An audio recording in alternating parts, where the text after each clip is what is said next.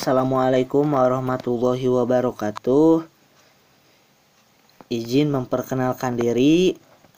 Nama saya Mugi Barokah dengan nomor induk mahasiswa 2008344 dari kelas KFOB.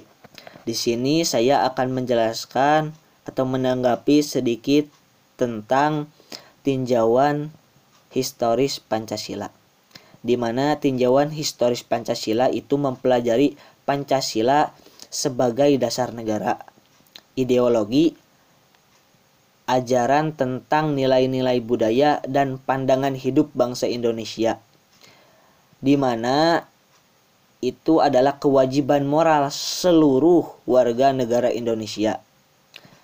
Pancasila yang benar dan sah atau otentik adalah yang tercantum dalam alinea keempat pembukaan Undang-Undang Dasar 1945. Hal itu juga ditegaskan melalui Instruksi Presiden Republik Indonesia Nomor 12 Tahun 1968 pada tanggal 13 April 1968 di mana penegasan tersebut diperlukan untuk menghindari tata urutan atau rumusan sistematik yang berbeda yang dapat menimbulkan kerancuan pendapat tentang isi Pancasila yang benar dan sesungguhnya. Di mana intinya bahwa Pancasila yang telah dirumuskan oleh pendiri bangsa sebagai dasar filsafat negara itu melalui satu penggalian, dua penyerapan, tiga kontekstual, empat rasionalisasi, dan yang kelima aktualisasi.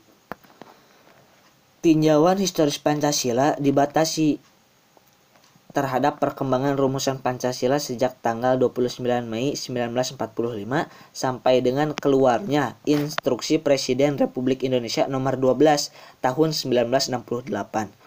Pembatasan ini didasarkan pada dua pengadaian yakni satu telah telaah tentang dasar negara Indonesia merdeka baru dimulai pada tanggal 29 Mei 1945 saat dilaksanakan sidang Badan Penyelidikan Usaha-usaha Persiapan Kemerdekaan Indonesia atau BPUPKI.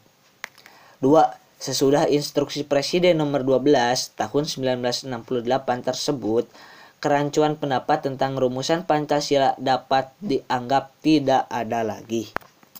Tinjauan historis Pancasila dalam kurun waktu tersebut kiranya cukup untuk memperoleh gambaran yang memadai tentang proses dan dinamika Pancasila hingga menjadi Pancasila yang otentik.